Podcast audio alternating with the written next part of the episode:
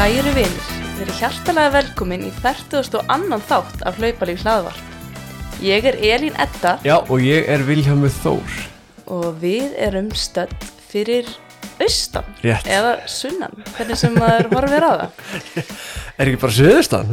Já, fyrir suðaustan. Uh, um, við, ef þú ert göturhlaupari, fjallarhlaupari, brautarhlaupari, léttur og nettur skokkari eða jafnvel bara wannabe hlaupari, þá ert þú komin á réttan stað. Já, Já, við erum með smá óhefbund þátt í dag. Uh, erum stödd hérna á krútlu sveitahóteli uh, rétt fyrir utan nýja hotnafyrði sem kallast Árnanis. Sjátt át á það. mhm Við hliðin á okkur situr kona, hlaupa frumkvöðlin Helga Árnadóttir. Helga, við fengum þessa sturglu hugmynd bara í fyrrakvöld þegar við vissum að við ættum leið til hafnar að fá þig hérna aðeins í setti til að skiknast inn í heim svona hlaupa þjálfara og hlaupa hóps á landsbyggðinni. Uh, nú erum við búin að vera, að við erum búin að vera í svona heilmiklum samskiptum síðan í haust. Mm Uh, ég hitti þið fyrst í sundi á höfn. Uh, Já, þegar maður gengur bara svona að, að, fræða fólkinu í sundleginni. já, það bara læt, læti til skar að skrýða og hérna ákveður bara að taka upp þráðinn. Uh og uh, við vorum búin að vera að plana það að þú sagði mér þannig að síðasta haust að þú væri búin að stofna hlaupahóp á höfn sem ég fannst algjörlega frábært og ég er búin að vera hérna fyrir þá sem ekki vita uh, sem er örugglega meiri hluti hlustanda þá er ég að leysa oft af hérna á landsbyðinni og mest á höfn á undanförnum hvað tveimur árum eða eitthvað svo leys og Já, eitt alveg heilmiklum tíma í bænum og, og fengið aðeins að kynnast bænum og mikið vera að hlaupa á svæðinu. Þannig að mér varst þetta algjörlega frábær hugmynd og þú varst svona að plata mig til að halda fyrirlestur uh, fyrir hópin og bara fyrir uh, fólkið á höfn, svona opinn fyrirlestur og það var planið að ég myndi gera það náttúrulega einhvern tímann í november og svo fekk ég COVID og eitthvað vesen og fram og aftur en loksis er ég hinga komin og, og þá ákvað ég að plata þig. Tók með mig villa og við erum búin að ákveða sagt, núna að spjalla eins um þetta uh, þennan hlaupahóp og, og þinn hlaupaferi líka já að hlaupa lífið á höfn, kannski bara. Hlaupa lífið á höfn, ég stila það. En já, okkur langar bara að byrja að kynna þig aðeins persónulega betur fyrir hlustundum okkar áður en við förum að ræða hlaupa hópin betur og Helga, hver er Helga? Getur þú sagt er aðeins? Helga? Helga hlaupastelpa, segist þetta. Já, Vist það svolítið sætt. Um, ég er 42 ára, uh, gift og á tvo stráka með honum Stefánu Viðari, mannin mínum. Uh, ég starfa hjá vatnaðuglustjókari og það er ástæð þess að við erum hér á höfni í Hótnafyrði. Flytjum hingað 2013 út að vinna hjá mér. Og við hjónin, við tengjumst í gegnum hlaupin. Okkar líf hefur svolítið verið sandfinna hlaupum og, og alls konar svona uh, útivista tengdum áskorunum síðan 2008 og já, þannig að, að svona hlaup og útivist hafa verið svona stór hluti af mínu lífi núna síðustu 15-20 árin. ok, já. Og þú ert ekki, semst, ekki fættu uppalinn hérna eða því familjan, þið eiga enga rætur reykja Nei, nei, við erum ekki rætur ekki til hafnar. Uh, ég er alveg upp á hellu á Suðurlandi. Og, og maðurinn minn er, hefur búið víða, bæði hérlendis og, og ellendis og eins og segja, við vorum uppalega fyrir norðan, við vinna þar fyrir þjóðgarðin, uh, förum út á land 2008 og, og komum hingað 2013 og erum hér enn, þannig að dásanlegt að vera hér í hérna á Suðausturhóðinu, í þessu mm. dásanlega umhverfi sem er hér. Suðaustur horni, já, Já. það sem var, við erum á Suðaustur horninu Því að Suðausturhóðinu, já. Já, hvað, en að þið eru samt bæði þá úr bænum eða eru þið Nei, Reykjavík eða, Nei, sem sagt sko, sé, ég er alveg upp á hellu Já, þú ert alveg upp á Hellu, Já, og fyrir bæinn bara í háskóla og svo, svona klassist mm. Maður minn híðan og þaðan uh, Við kynnumst, eða við kynnumst þá sem sagt, erum við í bænum. Og þetta er svona skemmtileg saga að við kynnumst í hlaupahóp og hérna hjá laugaskokki vorum við laugaskokkurum eins og við villi. Já, það, frábært. Það er svo alveg romantísk saga sko. Já, það var bara í er, hi- bara hitt Það var, hi- var hitlið Hitlið hérna sko. sko. nokkur, já. Og hérna, og svo sko og svona skemmtilegt sko. Við, þess að ég var í rauninni bara svona eitt og hálft ár í lögaskokki mm. svo kynstu Stefán og ég fæ vinnu fyrir norðan uh, í þjófgarunum, við erum í í Ásbyrgi í Jöksóklurum, erum þar í fimm ár. Og, og hérna en að því að við bæði höfum þann áhuga veist, þannig þá erum við búin að gera brasa ímislegt saman í svona hlaupum og, og þrýþraut sko. Þannig að, og svo náttúrulega eigum við tvö börn og þannig að veist, þetta er bara svona sveiflast upp og niður, bara eins og lífið En þú veitir, þú starfar fyrir vatnajökul þjóðgar, hvað gerir þú þar? Um, núna vinn ég sem uh, verkefnastjóri á millari skrifstofu, þannig er svona stuðningur við þjóðgarinn, ég er á, uh, á sviði fræðslu og mannismála mm. en ég hef gert ímislegt, ég er búin að vinna uh, fyrir þjóðgarinn síðan 2008 og byrja sem landvörður. Þá er maður að vinna út í örkinni taka móti fólki og fræða og, og vinna í göngustígum og svo framvegs og svo bara hefur maður unnið svona tröppugangu upp og verið aðstofað með þjóðgarsvarðar og þjóðgarsvörður þá er maður komið svona eins og í mínir management í, í hérna, bara svona utanumhald og stjórnun. Og, og svo núna er ég komin í svona sérhæfðari verkefni. Þannig að ég, ég er mest á skrifstofunni núna. Þess vegna er rosa gott að, að hafa ennþá áhámálið að vilja vera út að reyfa sig. Já, en þú ert ekki bara upp á vatnajökli alla daga það. Nei, ekki alveg sko, ekki alveg. Það er ekki alveg svo dásanlegt Var ekki verið að færa starf þjóðgarsvarðar hingað? Jú, sem sagt lögheimili rauninni svona, já, lögheimili þjókasins hingað til hafnar í hotnafriði Já, og það er rauninni því og þá búið að set, taka þá ákvörðun að framkvæmdastjóri muni vera hér. Já, þannig er ýmsa breytingar og, og hérna, þetta mun alveg vonandi styrkja starfi hér í þjóðgarunum og, og þannig vonandi líka samt í þjóðgarunum heild að því við náttúrulega erum hérna allt í kringum vatnajökul já, við sjáum það, við sjáum bara hérna rætur jöknala hérna já, já, kerum í bæinn, sko. Þetta, já, þessi, þetta gisti heimili, þetta lofar góðu, sko. Já, Horfa hérna á jöklana út úr uh, herbygginu. En þú uh, ertu með eitthvað svona íþrótta bakgrunn eða uh, byrjaður bara að hlaupa hana, hvað var það, 2008? 2008. Sko, ég er svona, uh, ég var í frjálsum sem krakk, eða svona úlingur og voru stolt af því að hafa hérna sínu tíma komist í Sydney 2000. Það var ykkur tíman ykkur hópur svona settur fyrir, þú veist, ykkur hópur sem átti sína að vinna upp úr ekki fyrir Sydney 2000, eitthvað slúðis. En ég fór nú ekkert lengra en það sko en, en við nú voru gaman að segja samt frá því að ég, ég hafi verið þar hann að kringum 14-15 ára gömul. Um, en uh, var samt ekkert rosalega aktíð sem krakki. Ég var frekar bara mikill bókaormur og satt út í hotni og var að lesa. En þakklátt fyrir það að var komist í frjálsar. Þannig það er svona ágætis grunnur. Var þar í grindarhlaupi og þrýstöki og eitthvað svo leis og en síðan sko að 2002 þá er ég hvað 23 ára. Og þá er ég 20 km þingri en ég er í dag. Og ég sagði, ok, nú vil ég það verður að gera eitthvað þessu. Þannig þá var búin að minka hreyfinguna hana, úlingur, framhalskóla árin byrja háskóla. Og átti líka svona við andleg eh, andleg vandamál þá. Og þannig að um, massin kom til og svo, já, svo fer ég hérna og, og hérna uh, fer að hreyfa mig meira fyrir átaki í hreyfingu og upp úr því sem byrja maður svona veist, að því áhugin er alltaf að vera úti. Og þá, er maður að ganga á fjöll með vinum sínum uh, fyrir út að hlaupa, þryggja kilometra hringin í lögadalnum með Kristín vinkonu. Vinn á tilnastöðun og keldum og þar vorum við nokkur sem að hlaupum stundum 5 kilometra hringin í hátteginu þannig að það var svona, veist, það er svona útivistin, það er þetta að vera úti að reyfa sig. Mhm. Þannig að, þú veist, en bakgrunin er ekkert eitthvað, ekkert eitthvað afreks eða eitthvað, ég er bara svona nei, venjulega kona með áhuga á því að vera úti að reyfa mig.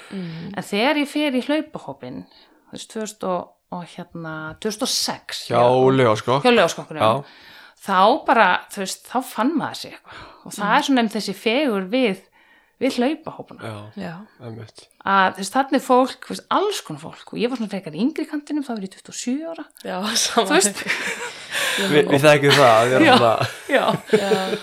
Og þú veist, það var alltaf, hérna, þeir voru ykkur hérna þrýr svona, kannski ykkur svona 50 saldir hérna að æfa fyrir marathón og ég var sett með þeim, sko. Þú veist, bara besti hlaupafélaginir, það var bara gegja, sko. Og þarna fann maður eitthvað, þú veist, bæði þetta er eitthvað svona samfélag, samverlitt áhugamál og, og þarna bara, þú veist, já þarna var bara, var þetta komið, sko Ég vissi ekki að lögskokk væri svona gamalt fyrir bara Er þetta alveg hérna Hefur alltaf bara verið tengt vörklass? Nei, þetta var, nei, það var það ekki fyrst sko. eins og er í dag sko. eins og í dag, já. og það var að byrja að vera tengt völklæðis þegar ég kem 2006 2006, Já, ok. eh, en var samt ekki alveg komið sko. það var Pétur Ingi Já. Fransson, það var hann að halda þetta um hópin já. alveg dásanlega kall já, og hann sko, þá er þetta held ég nú kannski þarf ykkur að leiða þetta mig en þetta er ykkur svona arfleið úr uh, þau voru hann að nýri miðbæ, hvað er það, miðbæðskóli sem byrjaði ykkur hópur. Svo færðist hann yfir í lögadalinn og var það að lögaskóki, ég held ég sé að segja þetta rétt það er þá, þau leiðir þetta mig hérna gömlu félagandi Það verður auðvitað ímislegt ránt, ymsa rángferslur verið ferðar í þessum þetti en en þegar þú varst að hlaupa þetta í byrjan í Kjeldnarholti og þar var þetta bara svona, var þetta eitthvað svona andlegt fyrir þig, eitthvað svona, þú veist, relief að hlaupa eða var þetta bara svona að vera út í náttúrunni og hafa gaman eða, já, þú veist bara að reyfa sig sko. já, bara fá svona rútínu reyfing svona úti, úti vistin útivistina, já, ég átti ekki bíl heldur ég var í bænum, fyrst, ég hjóla alltaf til og frá vinnu. Og þess að það var bara svona já, bara vera sko reyfingin, hún gerir rosalega margt fyrir mann sko. já, emitt En þú hefur líka einhverja reynslaði að keppa og þú sagði mér það nú ekkert tímann. Farið í bæði allt frá tíu upp í ykkur ultrahlaup fríþraut, járkall mm. hvað, hvena kviknaði sá áhugi? Það kannski gerir svona í framhaldina því að fara mitt yfir þú að koma til lögaskokkarana Já, í hóp. Í hóp sko, og þá líka, þá fer maður að fatta þá kynnist maður til samfélag, ég vissi ekki kannski af þessu áður, svona almenningslaupum og keppnum, mm veist, ég tók þátt í Reykjavíkumarathoni þarna í ágúst 2006 og þá hljóp ég 7 km og þá var ég veist, ekki með einn prógrum, var bara að hlaupa sjálf og svona, svo fer maður í að vera með lögaskokki og þá byrja maður í Powerade og svo eru þau að fara eitthvað hérna halvt marathon þarna og ég man ég fór upp á Skaga. Ég man sennilega var það vorið alltaf ekki vorið 2007 og það bara alltaf ég aldrei eftir að hlaupa halvt marathon eða lengra, þú veist þetta var, mér leið ömulega það var mótvindur hann að síðustu 5 km þetta var já, ógislega var þetta keppni hlaupi upp já, á það skaga? var, já, halvt marathon upp á skaga, ég held að það hafi líka verið 10 km upp á skaga, ok. Og já, og, og ég var bara en þú veist, maður, veitur verið, maður er svona fljótur að glemma þessu. Ég kannski þekki þetta þegar maður er á vond hlaup og allar aldrei að gera þetta aftur. Einmitt. Já, og þá svona byrjaði þetta, þú veist, og þegar ég fer hérna 2006, já, og þá ákveðið um áramótin, þá var ég búin að hlaupa 18 km með hópnum, um, þetta er svona minnistætt, ég hljóp fyrst 10 og svo fyrst 18 og þá ákveðið, já, ég ætla að hlaupa lögavinn, þannig ég hljóp lögavinn sko 2007, þú veist, þá var ég ekki búin að vera með hópnum í eitt ár sko. Mm. Og þannig að ég mæli ekkert að ég gerði ímislegt svona rangt hann í upphafi sko, svo fekk ég hlaupara nýi og eitthvað svona hann að hælspora, eitthvað svona alls konar hlaupara misli. já, En það var líka láni ólinni því þá fór ég í þrýþröð sko. Því þá fór ég að hjóla og synda því ég gæti ekki hlaupið sko. Einmitt, það Þannig er góður lærdomur því líka sko. Já, já, veist að krosstreina sko. og, hérna. er og svo náttúrulega bara bæði að vera með lögurskokkurum, þú veist, kynnast þannig að þar farið þrýþröðina, þú veist, kynnist þessu fólki veist, bara, og ef maður hefur eitthvað neista þá bara vex hann í, í svona hóp sko. Og svo kynnast Stefáni við mannin mínum og hann er svona, hann er svona ultra, ultrakall Já. ha, þannig að það er náttúrulega Kynntist þið í lögaskokk eða já, ekki stíl í lögaskokk? já. Ok, Hvað segir, hvað er svona þitt uppáhald svona að keppa í? Er það þessi lengri utan við að hlaup eða er það stutt götu hlaup, er það þrýþrautin? Mm. Valla. Sko það er svo erfitt að æfa því, stríðhjóttin er mjög skemmtileg sko, en það er svolítið erfitt að æfa hérna hér á höfn og þú veist bara hana, kannski svolítið einn að æfa, kannski svo hjólið, en mér finnast sko þessi svona kringum 20, 25 uh, utanvæðlaupin, mm. þeir eru skemmtileg, að halda sér í þannig formi að maður geti hlaupið þau. já, Þú veist, við fórum þrjár hérðan laugavegin í fyrra til dæmis og fengum, veist, þrjár að æfa saman. Þú veist, það var æðislegt, indislegt, veist, fórum og funnum fullt af nýjum leiðum hinn í kring, sko, í fjöllunum og dölunum og var indislegt, en það tók rosa tíma líka. já, Þannig að þú veist, það að æfa fyrir, sko, 20-25, það er fínt, þú veist, ef maður er komin í þetta lengra, þá, já, þú veist, þá þarf maður alveg að vera dedikeraður, þú veist, í það, sko. Hvað eru börnin, eh, hvað eru þau gömul?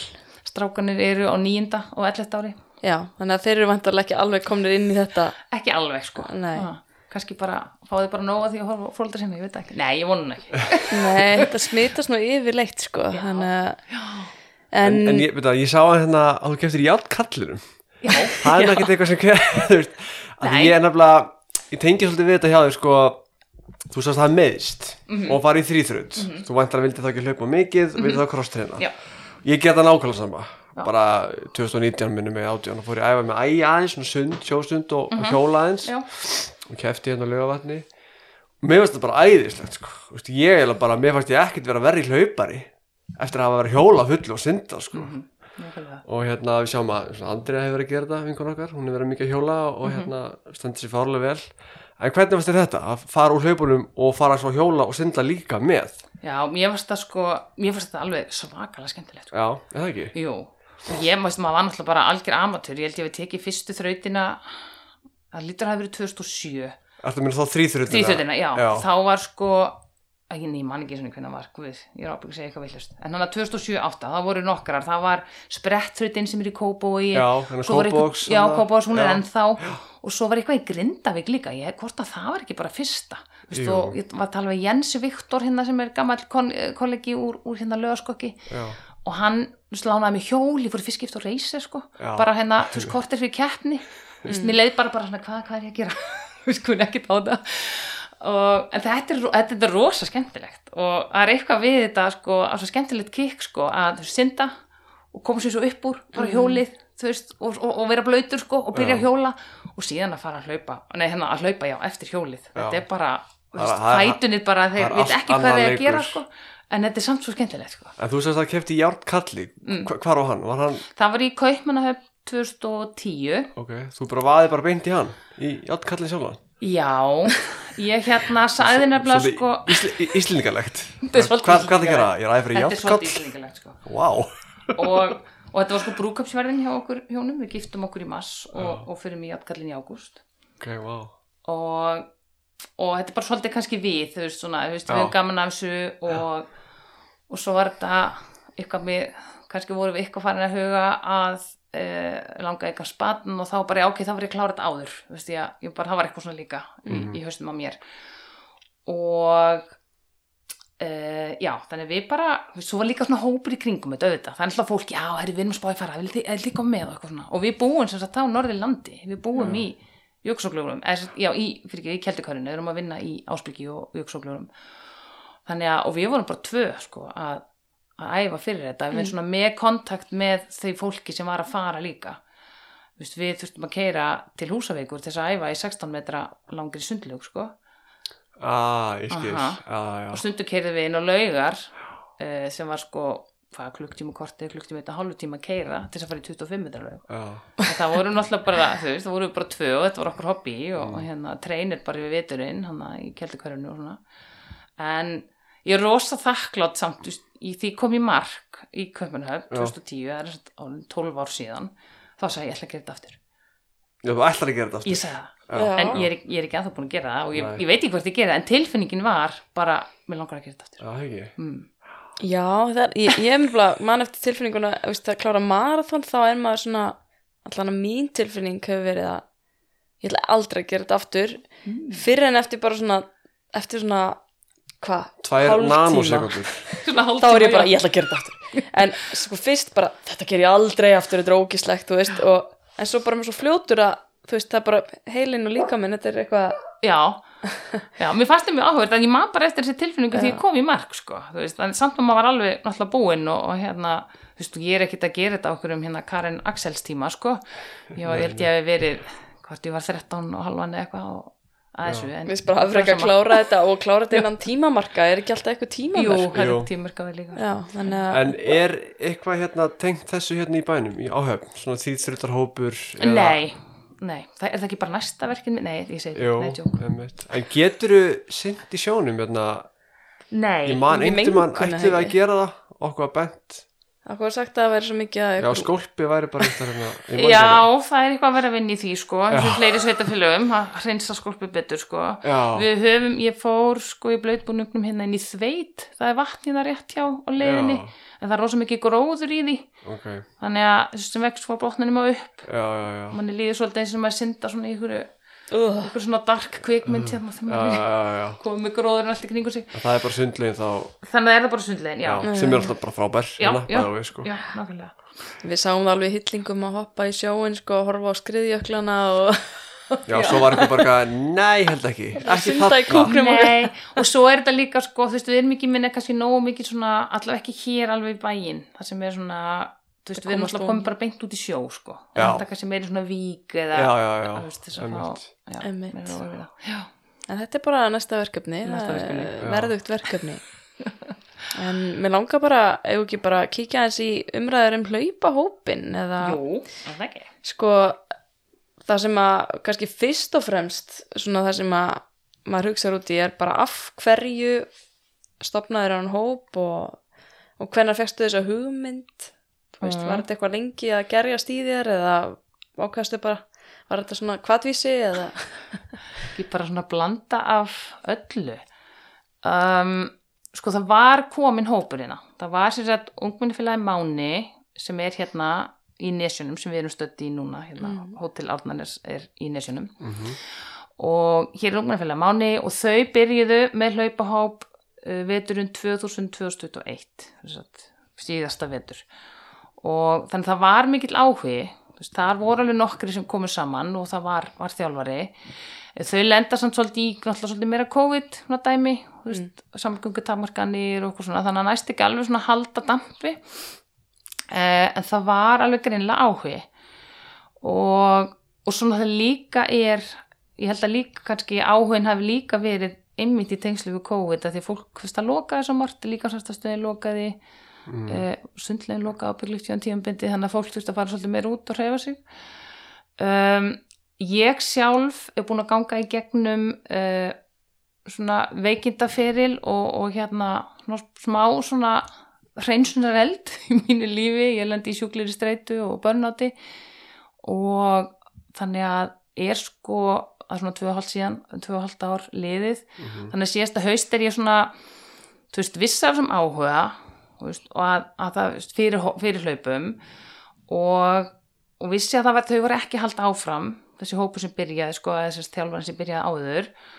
Uh, ég var alveg bara svona, já, á ég kannski að gera þetta? Veist, á ég kannski bara fara get ég gert þetta sko? En svo er aftur svolítið þessi svona hérna, svona efasendur röddin í manni sko, nei, ég, ég get ekkit ég, ég hérna, ég kann ekki að vera eitthvað þjálfari eitthvað en svo ég segi, jú, jú, ég bara gera þetta. Og svo þegar ég fer í rauninni að láta kannski svona tala, já, ég, svona tala við fólk og bara, já, þetta er kannski að gera þetta, bara, jú, helga, gilda á þetta. Og þess þannig að þetta er svona ég, ég var myndi að hugsa þetta því ég vissi ég var að koma að tala við ykkur. Bara hvenar, hvenar hérna er henni ákvæði þetta? Hvenar, þú veist, hvenar gerist þetta? Þetta bara mjallaði svolítið svona síðasta sumar tekin ákvörun og, og hérna og svo er þetta, þetta er svolítið svona uh, það sem ég fannst kannski líka, er ekki komin tími til þess að ég kannski miðli því sem að veist, ég hef fengið að upplifa líka frá öðrum, mm. ég hef verið hlut á hlaupahóp ég hef fengið hlaupaprógram og stöðning og mögulega get ég gert eitthvað til þess að að styðja við fleiri sko. og líka út af því að að uh, þið og, og kannski þeir sem eru hér að hlusta og eru að ykkur skona stundarhlaup eða, eða heilsurætt, við vitum hvað þetta er. Allavega, við, okkur finnst þetta mjög skemmtilegt. Þannig að ég sagði, já, ég voni ég geti miðlað þessu og fengi fleiri með og já, þetta er svona langa svari við kannski já, það var ekki eitthvað svona, það var ekki eitthvað svona eitt sem að fekk mig til að til að fara að stað, sko en mm. hann er stopnað eitthvað síðasta haust mm og heiti, heiti bara hlaupahópur hortnaferðar, eða ekki? Jú, Hvað eru komni margir í hópin og hvað, hvað fólk er þetta? Hvað slags fólk er þetta? Er það byrjandur eða bæði? já, já, já, bara alls konar sko. Uh, og ég ætla kannski að taka fram að við erum að gera þetta í samstarfi við ungmennafélagi. Þannig að ungmennafélagi Sindri er sem sagt í gegnum frjálsjöftadeildina hér. Mér fannst það uh, mér fannst það skipta máli í tengslu við bara svona ungmennafélag sandan og líðheilsu að, að vinna þetta með ungmennafélaginu. Mm.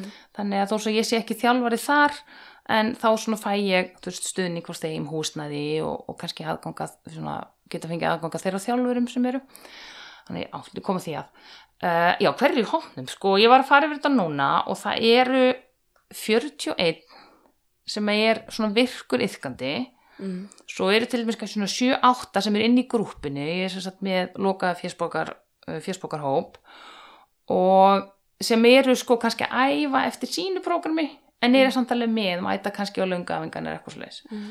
og þetta er meira hlutin konur þeir eru þrýr strákar þannig Mhm. Ég veit ekki hvað ég þarf að gera til að ná meira til þeirra, það er bara næsta verkefni. Ég segi villi komið á æfingun á laugadaginn og, og reyna að laða að eitthvað stráka. Já, það ekki. Hendilega og svo, og svo er þetta bara mjög fjölbreytt. Veist, það er hérna mikið byrjendur og, og það er svo dásamlegt, það eru sömur sem að veist, aldrei hlaupið voru að byrja síðasta, veist, byrja í september voru að klára sko mýrdaslaupið 10 km núna það er ótrúlegt. Þú veist, allir á sínum forsundum sínum hraða, sína peysa, skiptir ekki máli. Það er bara, þú veist, að, að hérna þú veist, bara gera þetta sko. Hvernig, hvernig var að fá fólk til að mæta og svona, var þetta eitthvað erfitt eða var þetta þú auglýst ef það haustu eitthvað og Já. við sáum það alltaf þegar við vorum hérna? Já, við sem maður auðlisti í hérna Eistrahotnir, svona Já, já. hérasmiðil hérna og svo auðlist maður á netinu, það er fullt af litlum svona fésbúkasíðum á Var mikil eftirspurn eftir þessu hérna í bænum Já, það var nefnilega þessi, að því að sko það var þessi, þú veist, hópur hérna árin og undan, þannig að það var alveg greinilega ykkur svona, hvað segja, voru ykkur, uh, var ykkur eftirspunni, ykkur áhugi fyrir þessu. Ég hafa með kynningakvöld og það komin svona 30 manns á kynningakvöldi, ég var alveg bara með nút í mann, hvað er ég að gera? Bara á ég hættu við. hvað, hvað er ég að gera í þessu? Eh, hérna, og um, já, þannig að það bara einhvern veginn og ég er svo þakklátt fyrir það líka því það skipti máli í svona hóp sko, það voru margir sem byrjuðu því það náðist svolítið stemmingin svo fljótt já, og ég er ekkert að endilega gera allt í þessari stemmingu heldur hópurinn, hann fer að þrýfast mm. og, og mynda sína stemmingu sjálfur og það er svo fallegt sko. fólk fer að þú veist að þeirra fólk fer að ytkendur fara, þú veist, peppi hvern annan bara, jú, kom þú, jú, komdu jú, jú, jú, þú veist, jú, við getum þetta alveg þú veist, eða, eða ég var að taka æfingu núna og ef ykkur komst ekki kannski á settan æfingatíma, þú veist, þannig að það var það, það var svo gaman, það myndaðist svo fljótt, sko, þannig að þess vegna held ég þetta hafi líka náð að dafna svona vel að því að þú veist, það náðist þessi samstæða svona í, þó svo getust því þessi líka alveg ólíkt, sko en þú ert, ertu með þetta eitthvað svona hóparskipt eftir getu eða er þetta bara hópur? Já, ég, ég held að ég, hef, ég gekk strax út frá því, þú veist, ég bara hugsa að ég verð að hafa þetta, uh, ég verð að skiptis upp, að því að uh, annars, ég held að sé svona mínu einsla, annars hættir fólk við eða gefst upp, sérstaklega það er erfitt.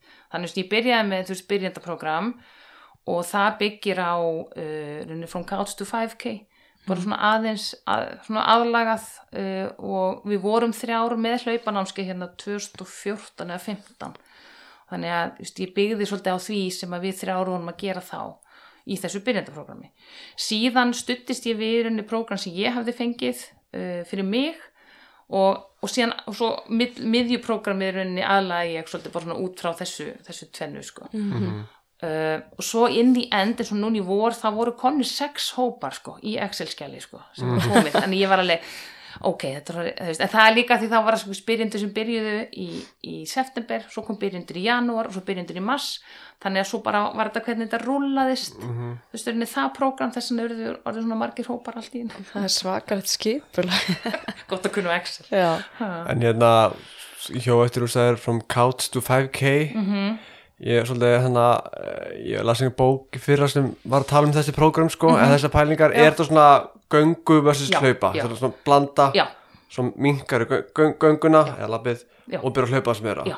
þetta er vist mjög vinsla prógram, hefur ég hýrt sko já, og ég held að þetta Þetta er svona sofa kartablu prógramið, Já. þú bara þarf þeir engan grunn þú þarf engan grunn og það, ég held að Já. það skiptir svo miklu máli því að fólk bara, ef þú ætlar að byrja að hlaupa Mhm. og ætlar bara að hlaupa í hálftíma þú bara, bara mikið það er bara mikið Já, einmitt. En þarna ef þú lappar í fimm minútur Já. svo hleypur í tvær, lappar í þrjár hleypur í tvær, lappar í þrjár, eitthvað svo leiðis og svo eftir kannski 6-7 vikur ertu komin í það að lappa í fimm minútur og hlaupa svo 3.000 tímyndur og lappa einu mynd á milli eitthvað svo leiðis, þannig að þetta bara það, þannig að byggja þetta svona hægt og rólega upp og mér sýnist það alveg, eins og segi, nú er ég bara algjör nýlið í því að halda utan svona. Og mér sýnist allavega að þetta sé að virka alveg, þú veist, rosalega vel til þess að fá fólk til að komast að stað sko. og, og ég viðkenn alveg að ég, þú veist, ég kannski líka með svona pínustundum í maganum yfir þess að því að ég er ekki þjálfarmyndi, þú veist, ég er ekki þú veist, ég er ekki hérna uh, íþórtakennari eða þú veist, þú hef ekki farið í einhverja enga, hérna, enga þjálfunar námskeið eða eitthvað svoleiðis. En ég er bara rauninni og ég er bara hreinskilin með það. Ég er náttúrulega bara byggja á minni reynslu og, og mér langar alveg stundum að vita kannski aðeins meira út frá sko, hvernig þjálfunarfræðin er. Og vonandi kemst maður kannski bara aðeins á það, þann stað sko. en maður sjálfur þekkir inn á kannski sjálfa sig og að því maður hefur tekið bara alls konar prógram bæði hefur ég fengið keift, bara veist, googla á netinu svo hefur ég keift eitthvað á netinu svo hefur ég fengið hérna þú veist, ég mikið verið samskiptum við Eira skokkara, mm. Sonja Sif og, og Já, Ranna á, Watts águrri já, þær hafa hjálpað mér mikið þannig að það er náttúrulega svo stórt hlaupasamfélag á Íslandi þannig að Já. það er auðvelt að ná sér í ykkur svona tips og já, Við höfum tekið nokkuð viðtöl við hérna svona eldri eh, reynslu bolta Mhm. mörtu ernst og svona fleiri sko.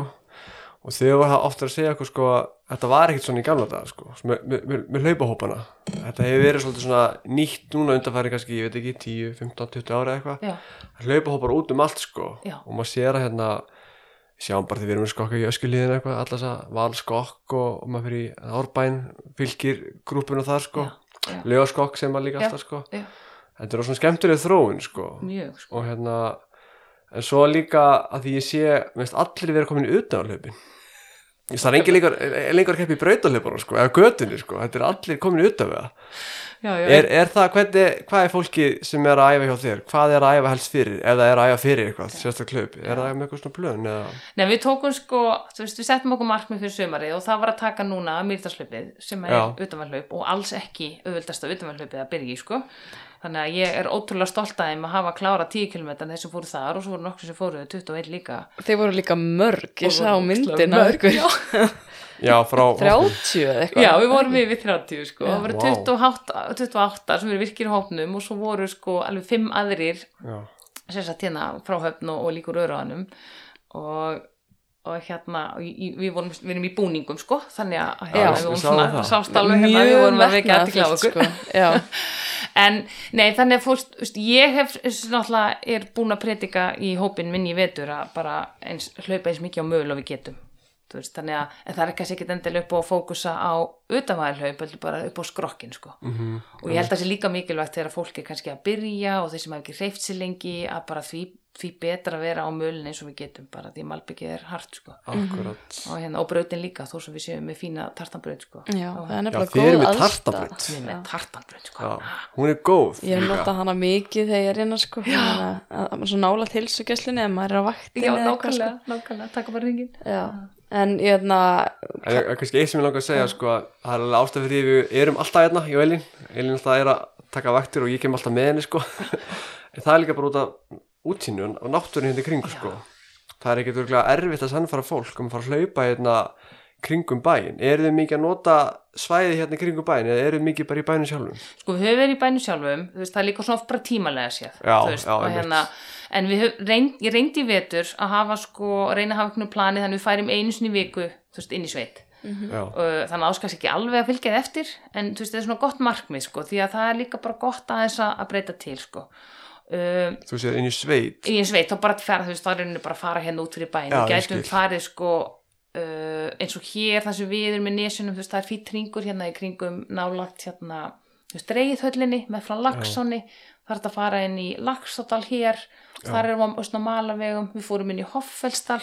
Þú veist, það er malavegur, það er að hlaupa á slóðana. Stundum það er svona kannski pínu að ef maður er svona, nema maður sé fann í lengri leiðir að þú veist, ef maður er stittri kannski upp í 10 km þá er þetta svolítið fram og tilbaka stundum mm. þannig að auðvitað þú veist, það er náttúrulega bara markmið að við getum gert meira af því að, nota okkur þessar þú veist, bæði svæði hérna og það eru líka mertar gönguliðir hér, þú veist, en stundum þurfum kannski að fara að keira hálftíma til þess að komast uh, á þær. En, en svo fórum við um rosalega skemmtilegt hlaup hérna í lok apríl, þá flöpum við milli er þryggjalóna hlaup. Já, við sáum það. Já. drauma hlaupið sko. Já, þið verður eiginlega ná þessu ég sko. bara vissi ekki að þessu heila. Já, það er göngulið þar. Hún Já. köllu breiðármörk og er á breiðmörksandi milli Jöksulóns og Fjálsalóns og svo Já. breiðárlón þarna á, á milli. Þetta er 15 kilometrar já, og það, það var også held ég það var líka svona svona stökkpallur eða svona fyrir marga í hóknum að að klára það líka sko. Mm, Var það krefjandi leið eða var það meira bara svona sko hún er, það er svona eitt þriðja af henni mm, er svona grýtt jökulurð Já, það er svolítið að ekki- hlaupa í það er ekki skemmtilegt að Nei, Þannig að, en hins vegar er þetta bara krefendi og þá verðum við bara að fara hægar eða labba eða þess vegna sko. En svo er hinn hlutin nær nefnilega að vera mestalit orðin svolítið svona bara tróðin stígur sko, stróðin Mm, leið. ok Þannig að, og um, um, maður verður eiginlega að fara þessa leið þegar maður fær fínt skikni sko. Já. Það var hann umvafin sko, breðmörku jökli og, og, og er þetta nýtt keppnislöp eða er Nei, þetta er bara var- þetta er bara göngulið, Já, en þessi keppni já, þetta var, var þetta, Þetta var bara æfing hjá hópnum sko. já, þetta var já. ekki skipuleg keppni. Nei, við getum alveg, við getum skipulagt keppni sko. Nei. Já, ég held nefnilega hvað keppni líka þetta? að því að þetta var svo rosalega flott auðlýsing sem ég sá. Já. þú veist, þá var ég bara eitthvað, já, Já. ég held að þetta væri bara það keppnislöf var en, Facebook-grúpin en, Já, einmitt, einmitt. en þetta er mjög nett leið og þið ættu eiginlega bara að búa til keppnislöf úr þessu Já, sem er hann ekki langt frá sko. Þetta er held ég eitt af fallegasta sem ég hef séð sko. þetta er svona verið eitthvað svona Lord of the Rings scenario sko. þetta er fárlegt Við, einmitt, rosalega margar fallega leiðir hérna sko. já, einmitt Við, hérna, einmitt, ná talandi um hérna flottar auðlýsingar, það er líka, þú veist, ég er ekki alveg eini í þessu, hún, Mm. hérna, Berglind sem er í, í hérna, frjálsjóta uh, frjálsjóta deildin í hjá, hjá ungunafélaginu Sindra hún er svona, hún er svona yfir peppari með mér sko, Já. ókslega góð í að gera svona auðlýsingar og svona og hérna Mm. mig áfram í að Notið notið brautina mikið? Tartanbrautina? Nei, ég hef ekki gert það svolítið í vetur, jú, kannski, það var svona hálfkóð snjór og Mm. eins líka hvernig æfingarnar eru og mér er svo gaman, sko þú veist, ég reynir stundum að, að, að því við náttúrulega erum ólíka geta, sko, þú veist, það er kannski þrýr hópar og það er svo gaman að taka æfingu þar sem að, þú veist, fólk fyrir kannski hringi eftir hring, þú veist, kannski að taka ykkur er að taka alltaf. 4400 eða ykkur er að taka 4200 og, og, og þú veist, að og þá allir séu saman sko. Það er rosa skemmtilegt en, en hérna, ég reyndi eins og ég gat að vera svolítið mikið á mölunni sko. Þannig að það er ég sá að þið voru líka með e, vetrar hlaupa serju mm þetta er mjög Mjög metnaðafyllt prógram rosalega metnaðafullt hvað voruð þið með mörg hlaup Herðu, það voru sex laup og hérna var þetta 5 km það var 5 km ringur og ég held að það hefði líka hjálpað mörgum sko að við gerðum það. Þú veist, það er svona að hérna svona, þú veist, að prófa það þú veist, að vera svona eins og sé þetta er pínu keppni sko, ég meina allir á sama stað og ræs og, og hérna og tímataka og þó veist ég bara einföld tímataka með skeiðklukkinni þá bara er það alveg gott og gild. Og já, við vorum með sex hlaup og það var að meðaltalið því ég var að reikna þetta voru 20 í hverju hlaupi sko, sem ég bara nokkuð gott fyrir 800 manna samfélag. Og, og ég setti þetta upp svona eins og ég tekti til dæmis þegar við vorum á Akureyri þú veist, þá var þetta svona, þú veist, þú fyrir stíg ef þú, þú veist eh, svona að fyrstur í hlaupinni til dæmis fyrstu, fyrstu fimm fengu stíg, hann er svolítið fyrsti eins og Powerade Já, svolítið eins og Og ekki, já. Það voru svona já. gulrót til þess að þú, þú veist, komir í flest hlaupin Já, til já. þess að ef þú átt möguleika á því að fá stíg sko. Já. það er eitt stig fyrir að mæta kannski bara eða voru fyrstu fimm sæti sem ég setti Já. Já. Bara þessi párið Já. En svo náttúrulega inn í end þá sá ég að það voru hann tvær sem voru svo duglegar sko. þannig að það voru, þar, voru tvær sem mætti í öll hlaupin sko. Ok. þannig að þær fengur náttúrulega sérstu gvelun í lokin sko. ah. sig það er mjög hvetjandi Já. en uh, munurinn á að vera í bænum í hlaupahóp og að vera þá tala ég náttúrulega um Reykjavík skilur það er bara það er náttúrulega til fleiri stærri bæir en hérna svona landsbyggðar stemningin fyrir svona hlaupahóp og svona að vera í bænum. Er eitthvað svona munur finnst þér á þessu? Eða er þetta bara alveg eins? Ah, hvað ég segja? Eða er öðruvísi að vera stjórna hóp í svona litlu samfélagi? Þú veist, ég held að kannski sé kannski helst, eins og allt náttúrulega í litlu samfélagi er að þú veist, það er alls konar hvað ég skilur þú veist, svona lítið samfélag og þú ert kannski með, þú veist, hérna jafnvel yfirmannin eða, þú veist, kennara hjá barninu þínu eða læknin eða þú veist, þetta er þú veist, það er svo, er svo stutta tengingana, sko. Já. uh, en hins vegar fannst mér sko ég upplýði svolítið sama núna með þennan hóp eins og ég upplýði lögaskokki að, að hérna þú veist, við erum bara öll jöfn á hlaupum. Þú veist, við erum bara, þú veist, maður bara veist, og fólki kannski, þó við séum í litlu bæ og fólk kannast við flesta en þá ertu kannski ekkit búin að vera veist, spjalla við þennan. Þú vitar alveg hver það er, en svo fyrir hlaupahópin þú hlaupa við hliðinanum og þá ertu kannski fann að spjalla og kynnast fólki, þannig minnst þetta líka svo mikið fegur, þú veist, að það er svona jákvæð samskipti og jákvæð tengsl sem að geta myndast sko. Uh, ég held kannski eins og með síðan sko muninni líka, þetta færði kannski meiri breytt, á höfuborgarsvæðinu þú veist, þú fær meiri breytt kannski af fólki, þú veist, og, og en það væri geggja náttúrulega vonandi að geta haldið áfram hér að vera með 30-50 mann svona virka í hópnum, því þú ertu kannski alltaf með 10-15 á æfingu, sko Einmitt. og þannig að, já, Já. er kannski held það svona hlaup á svæðinu þú veist, nú er ég að hugsa um hvað við getum sagt fólki að fara í hérna á á svæðinu í sumar er eitthvað keppnislaup svona er ekki hérna austur últra er það ekki eftir eða? Jú, ummitt, Austur Últra var byrjað í fyrra. Það er eitthvað svona skemmtilegt. 7. ágúst held ég núna. Já, helgin eftir Vestlum Já. helgi Já, sá döglist í og fréttablaðinu. breyta leiðinni frá því fyrra. Já, og hvar er það nákvæmlega, mástu hvað það er? Sko það er ekki, er þetta ekki nýju átján og svo F- 50 lengsta er held ég. 45 eða 50 já, ég held- já, Já. Þorstein Rói hafa unnið alltaf stærsta lengstu vegarindin fyrir sko. Já, Þorstein vann í fyrra og keftur í fyrra í því? Nei, ég var nefnilega í gönguferð já, með þá nýstofnum uh, gönguhóp sem ég er í. Já, og þær eru bara við erum bara aftur að fara núna kjarnakonunar í, já, kátar kjarnakonur í, í gönguferð á sama tíma, þannig að ég tek það fram yfir núna. Já, Um, já, það er einu svona kettnislaupi sem er hér. Uh, við ætlum að setja upp uh, hlaup núna á humarhátíð sem að er, nú þarf ég að fá dagatalfinu að mig, núna í lóki júni 2004 eða 5. Já. þegar humarhátíðin er hérna. Þá eru við uh, í samstarfið ungmennfélagi sindra að um að, að hlaupa fyrir hotn. já, já, einmitt. það er eitthvað sem við len- lengi alltaf að gera og sko. að búið að segja okkur að gera það Já. Hérna, já, og en við ætlum að kannski sjá bara svona að byrja kannski rólega sko, fara rólega að stað með það Mhm. En er það ekki eitthvað 20 og eitthvað kilometra leið eða sko ef þú farir hringin, jú en ef við farum bara eins og, eins og lappa fyrir það gengi fyrir hotn Og þá er það tæpir það. 10 kilometrar en maður byrjar við pappús og, og enda við hotn mm. en það væri líka aðeinslegt að gera hérna, það er svona pínu draumur núna að nú vil ég bara segja henni upp átt þá gerist eitthvað mm.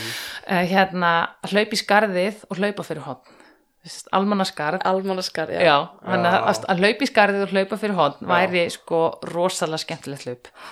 Það er líka ein leið sem að er mjög skemmtileg að fara eh, sem svona brekkusbrett ég veit ekki alveg hvort maður að kalla það sprett Það er bara tvegin kílómetr brekka sko. en það er rosalega góð æfing Já. en maður skildi fara já, kannski er þetta kil kilometr? Já, það er næstu kílómetr sko. já, það er svo langt Já, ok, það er þetta að fara upp og niður kannski Já, þrýsa já. sinnum Já. eða eitthvað að maður komið mjög góð æfingu já, algjörlega. Þannig að þetta væri svona, ég held þetta sé 23 ef að þessi leiði farin sko. Þú veist, fari yfir skarðið og svo fyrir hotnið og, og ná hringnum sko. Vá, það var í geggja Þannig að þetta er eitthvað sem við þurfum bara að skoða sko. Af því að það er nefnilega ekkit rosalega mikið að kettnislöfum á svæðinu sko. nei, og við fundum það til dæmis við Stefán þegar við flytjum stúr keldukörinu og komum hingað að þegar við vorum fyrir norðan þá fannst okkur ekki tiltöku mál við kerðum inn á Akureyri til þess að taka þátt í vetrarlöpunum þar því það var bara einn og hálfu tími fyrir okkur að keira keldukörinu á Akureyri. En hérna þá var svona engin þannig sé svona hlaup svona nálagt Þú veist, það hefur aðeins verið fyrir austan það verður enda verið duglega þar að halda 10 km hlaup ok, uh, á eilstöðum Já. síðustu 2-3 árin sko en það var ekki komið fyrst yngað Nei. svo var uh, ykkur tíman hefur verið hlaup í Hallamstað mm, það, já, skó, Skógarhlaup, í skóginum eitthvað svoleiðis, já. já. held að það sé ennþá. Já, held reyndar og náttúrulega dýrsfjallahlaupi sem er að koma sko, mm. veist, en veist, okkur finnst ekki tiltöku mál að fara að kera 2-3 tíma hérna austur til þess að þú veist, við búum út á landi. Og svo í hinn áttina hefur verið náttúrulega mýrdarslaupið og það er líka verið hjörleifshöfðahlaup í lok april held ég. Já, ok. Ég hef ekki farið í það með langastundum að ég hef ekki náð því ennþá. Já. þannig að já, við þurfum bara við þurfum að vera sjálfstæð eins og en svo alltaf erum við þess að erum við þess að alltaf vetra sýri hérna veturina alltaf hérna. Já, ég held að við verðum að halda áfram með það sko. Það er alveg bara svona til þess að halda manni vefni sko. já, Ha. gott að hafa svona markmið í veturinn líka sko. Já, það er líka alltaf mjög er sko. mjög mjög gaman. Sko líka varðandi bara nú las ég aðeins til um svona þennan laupahóp og, og um hornafjörð þetta er, er þetta ekki samstarfi við þetta heilsu eflandi samfélag sem að e, þessi hó- hópur er stofnaður, er það rámt hjá mér? uh, við fengum sko eða fengu ykkur styrk eða já, það er rauninni stuðning? tengslum að fá þig inn að halda fyrirlestur já, það er við heilsuðamöldi samfélag já, þannig ok. okay. rauninni er kannski, það er bara svona óformlegt já, já, En Já. ég var að lesa mig til um sérst, að Hortnafjörður Hortnafjörðu Hortnafjörður gerði samning við landlæknis embætti, er það ekki 2016 um sérst, að vera svona hilsu eflandi samfélag. Mm -hmm, og mér finnst þetta mjög spennandi þú veist bara svona markmið hjá heilu bæjarfélagi eða sveitafélagi um, hvað finnst þér hvernig finnst þér þetta að hafa svona breyst eftir það, finnst þér að hafa verið gerðar eitthvað breytingar eða mætti betur fara ég held að sé alltaf tækifæri þess að gera betur sko. Og, og hérna og svo er þetta aftur líka svolítið þú veist, rauninni, hvað er í bóði um, og, og svo sann sé ábyrð einstaklingsins líka. Þú veist, að, þú veist, við þurfum líka svolítið að veist, taka það sem að er í bóði og meina það er mjög margt í bóði á höfn, varandi það að geta þú veist, sé til heilsubótar. Þú veist, ég held að hafi í vetur voru sko þrýr aðeinar að bjóða upp á jóka til dæmis, Einmitt, ég tók eftir því. Sem er frábært. Zumba, þú veist að zumba, það er líka sætt að stöð, það var komið crossfit líka uh, sundlegin alltaf dásamleg, þú veist ég til dæmis vera á sundæðingar, það er æðislegu sundþjálfari hjá okkur núna, þannig að ég tími ekki að sleppa því þannig að ég mæti sund vissur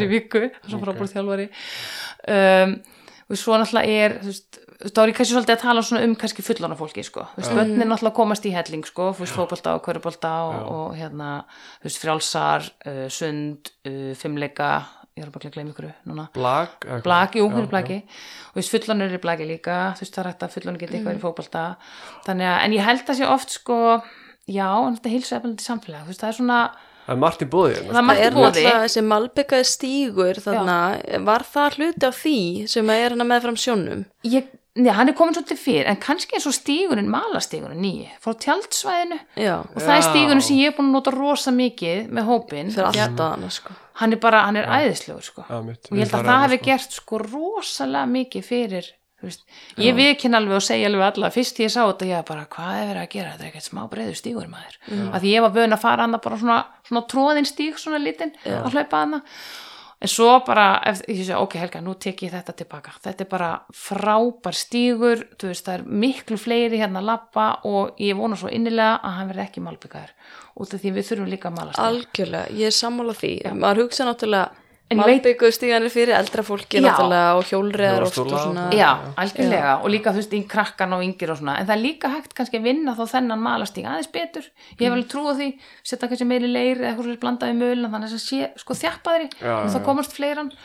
En hérna, en eins og segi, ég held að sé alveg þú veist, mikil tækifæri og, og, og ég hugsa líka sko þú veist, jú, einstaklingurinn hefur val og geta farið, en stundum vantar líka kvartninguna sko, þú veist, þannig að hvernig þú veist, hvernig náum við aftur þetta til þess að fá fólk til þess að hreyfa sig, tala þó ekki um að hreyfa sig úti, sko, sem ég held að sé náttúrulega bara besti heimir, sko. finnst þér eins og maður geti verið all, allan ásins ring úti að að reyfa sig á höfn til algjörlega, dæmis? Já. algjörlega og ég held að fólk hafi einmitt sko þú veist, hópurinn hefur gjössanlega sínt það í vetur að, að þau eru búin að takast á við sko, segi, margar afsynningular viðvaranir eins og fleiri hérna ísleikar í vetur. Já, Við hefum verið komið hérna yfir allan á, sér ring það hefur alltaf verið bara mjög Já, og við erum mörguleiti heppin sko því það er mjög snjólétt hérna. Já, Já, nú heyra því. Þú veist, og, en við fengum það reyndar, ég hef aldrei löpið svo mikið á nöglum eins og í vetur, það var mikil klaki. Já, já, já, og hérna og mikil umræði, ég myndi löpa hóndum hvernig við að gera þetta, fólk að kaupa þú veist, negla skóna Já, eða kaupa neldaskó eða þú veist, setja, kaupa svona brotundir og alls konar. Og bara fólk listi þá bara fjölbreyttan hátt sko.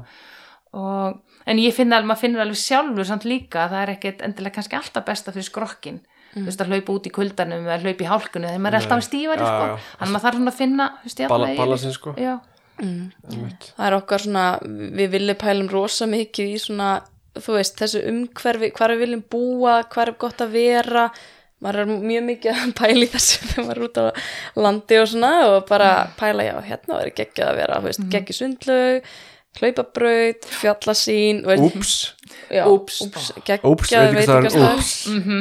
Það er bara, það ég get ekki beðið eftir að fara til það í kvöld, sko. Já, það er náttúrulega, þú veist, við erum náttúrulega, þú sagði mér það, plant-based, eh, það er mjög gott úrval þar fyrir það sem eru Það er plant-based. bara mjög mikið af veitingastöðum hérna. Já, já, með að við, held ég, 13 kapital, sko. veitingastæðir eða eitthvað svo leiðis.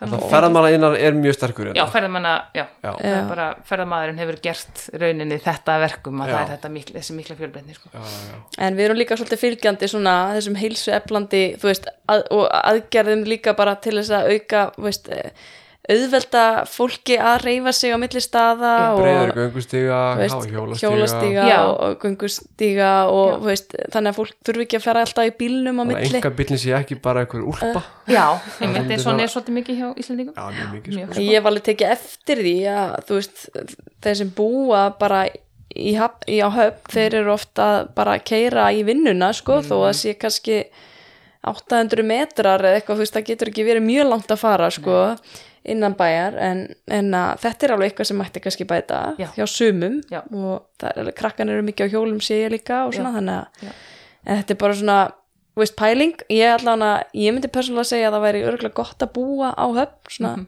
að minna reynsla að dæma og, og ég held að það sýnir þessi líka þegar þú ert búin að vera hana öll þessi ár sko. Komin áratugur á næsta ári Já, áratverðar næsta ári, ég tek alveg til það menn okkur líður mjög vel hérna og hérna, það fjölbreytni fyrir krakkana, þetta er svona sjálfstæði. Ég sé ofta þannig að við sko, þessi setninga að þau þurfið þorp til þess að alveg bann, Já, þú veist, maður er svona maður er, sko, maður er örugur örugur um strákana. Já. þú veist, þeir eru ykkur starf út að leika, eru sjálfstæðir komast allt, en ég tek alveg undir með það að þú veist, hotfringar og, og, og hafnabúa, þeir getur sko virkilega verið dugleri að, þú veist, nota veist, eigin líkamsgetu til þess að koma sér á milli, sko. Og þetta snýst oft bara um að, veist, fara fimm minútum fyrir að stað, eða klæða sig í reggalan, þannig ég er svona að reyna að vera þessi sem er hérna, ég hérna fyrir á hjóli alltaf í vinnuna eða labba og, og hérna veist, það er ekki kílómetr fyrir mig að fara heiman og á skrifstofuna þar sem að ég er með aðstöðu sko. Og, og þessin er líka, þess mér líka þetta með að vera með hlaupahópin finnst mér líka að vera ein leið í umhverfismálum því að fólk er hraustara Já. og líður betur þú veist og þá þú veist þá líka kannski ferða að nota bara sinni líkama meira og þá er það betra fyrir umhverfið sko. Og líka það bara að þegar við erum úti að þá erum við meiri tengslu við náttúruna við, við, við upplifum meira umhverfið og segja já þetta er ábyggla, ég er að vonast þess alltaf það sé mín leið ákveðin hátt til þess að vera hvað segja, pínu náttúruvendar og umhverfið sinni í, í leiðinni sko. Já, ég hugsa að það sé það gerist örgulega bara sjálfkrafa því að þú veist, ef maður líður betri í eins krokki þá náttúrulega já, á maður auðvildara með þetta já, þannig að það segir sér kannski sjálf já. einmitt Hvað segirðu? Er eitthvað sem að þið langar að bæta við? Eh, Eitthvað sem þú myndir vilja koma á framfæri? Eða, hvernig séru svona framtíðina fyrir með hlaupahópi? já. góð spurning, wow. Vil, viltu fá í 100 manns eða, eða hvernig Við Ég- að hugsa um sko 5-10% af, af bæjabúum. Já, sko þeir sem eru á kjörskrá alltaf, það voru, voru ekki 1700 á kjörskrá Já, voru 17. og Já, kannski, ég já. já. Nei, ég er náttúrulega bara sko, ég fengi fyrirspurning frá fleirum sko, varandi haustið að koma haust nýjir inn, þannig að ég vil náttúrulega bara halda áfram og mér langar að sko efla mig líka, þannig að ég geti líka sko, þú veist, eh, ég held ég hef náð byrjundunum vel og svona halda vel utanum að koma þessa stað og svo langar mér svolítið að geta haldið betur en þá sem svo minni getu og veist, virka, virka það kannski meira. Um, og já, þannig að bara veist, allavega halda þessu áfram koma þessu, halda þessari festu og væri gaman að fá hérna strákana meir inn. Um, og ég, svo verður líka bara hvaða tíma maður hefur og, og hérna þetta er mikil vinna? Hvað maður gefur sér fyrir sko og en þetta er samt svo sva- hefur komið mér rosalega óvart hvað mér hefur fundist þetta skemmtilegt sko pínu skemmtilegt að mæta hérna með, sem ég finnst að mæta með flautuæfingar þegar svona stutti sprettir. Ég bara, vá, hvað er skemmtilegt. Já, já, já, þetta flautur í gang. Stjórna fólki. Ah, þannig að, og það er kannski svona uh, þú veist, meðan að ég hef gaman af þessu og þetta næri mig líka þannig að ég segi, sko, kannski bara loka orðina þú veist, það er allir vinna, þú veist, allir vinna í þessum laupahóp, það er að segja þú veist, ég er líka að fá heilmikið pepp og ég er að fá heilmikla valdefling út úr þessu og er sjálf í leiðinni þá að, að draga fleiri með, þannig að ég segi bara allir vinna, við erum að halda því áfram. Gekjað Leðum þess að vera kannski þín loka orð ég, ef að þú ert að hlusta og það er ekki komin 30. mæ 2022 þá, og þú ert stattur einhvers þar á söðustur hotninu þá, þá kannski veri bara tilvalega að skella sér og hlusta á fyrirlesturum minn sem að verður hann í, þetta er ekki nýheimar í nýjumum, jú, nýheimar klukkan 8 mánudagskvöldið 30. Maí. mæ og þar ætla ég að fjalla bara um uh, markmiðasetningu og hlaup, uh, minn hlaupaferil, akkur ég er hér, þú veist, bara hvernig eitt leið er að öðru, ég held líka svolítið, ég geti speikla mig svolítið í þér Helga, þannig að allt sem þú varst að segja, þetta er bara svona byrjar eitthvað staðar og svo allt í hennu vindur þetta upp á sig og nú ert þú að hlaupa þjálfari og ég kom með eitthvað podcast og eitthvað geggjaðan kærasta sem er hlaupari. Þannig að hérna við segjum það bara, þetta er hérna, gott- gaman að fá þig. Og gangið vel. Það takk hella fyrir mig og hlakka til að heyri þér á mándaginn